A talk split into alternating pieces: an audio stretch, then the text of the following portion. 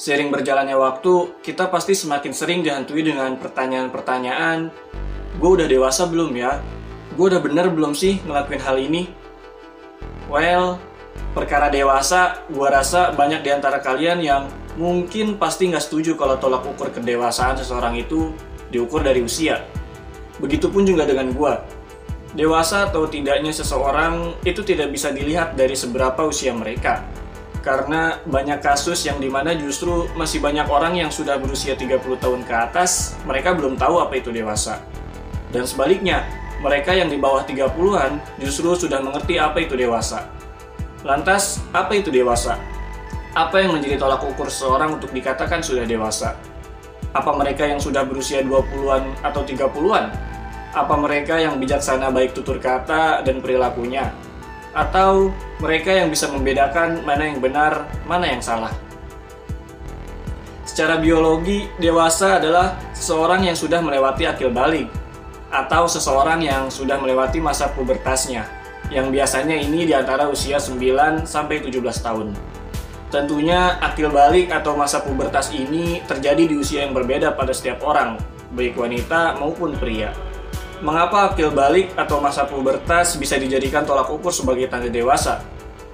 Seseorang yang sudah melewati akil balik atau masa pubertas dianggap sudah berakal dengan beberapa perubahan biologis. Mereka sudah harus tahu apa saja yang harus mereka lakukan.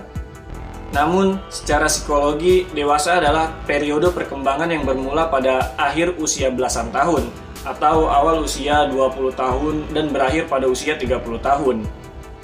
Di masa ini adalah di mana seseorang sedang melakukan pembentukan kemandirian pribadi dan ekonomi, masa perkembangan karir, dan bagi banyak orang, masa pemilihan pasangan, belajar hidup dengan seseorang secara akrab, memulai berkeluarga, dan mengasuh anak-anak. Lantas, sebenarnya apa yang menjadi tolak ukur dewasa ini? Setiap orang memiliki sudut pandang yang berbeda dalam hal menilai tolak ukur kedewasaan. Setiap orang memiliki perspektifnya masing-masing untuk mengukur kapan harus dewasa. Dan seberapa jauh mereka menilai sebuah kedewasaan, di situlah mereka akan semakin dekat dengan kedewasaan yang mereka maksud. Buat gua, dewasa itu berarti tanggung jawab. Dewasa adalah di saat seseorang sudah bisa bertanggung jawab.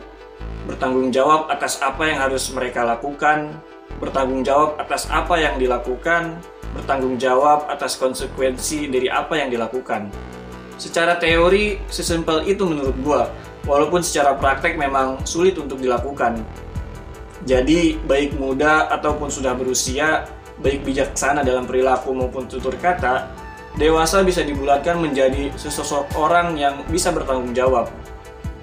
Dan hal terbesar yang mendorong seseorang untuk bisa menjadi dewasa biasanya adalah keadaan. Dalam hidup, banyak sekali hal tak terduga yang terjadi, dan seringnya apa yang terjadi itu bisa mendorong kita menjadi pribadi yang dewasa. Namun, sangat disayangkan apabila kedewasaan itu harus datang di saat seseorang belum seharusnya menjadi dewasa. Kalian tahu berapa banyak anak kecil yang dipaksa harus menjadi dewasa lebih dini oleh keadaan? Oleh apa yang terjadi? Seolah-olah masa bermain mereka direnggut oleh sebuah rasa tanggung jawab yang harus mereka pikul sendiri.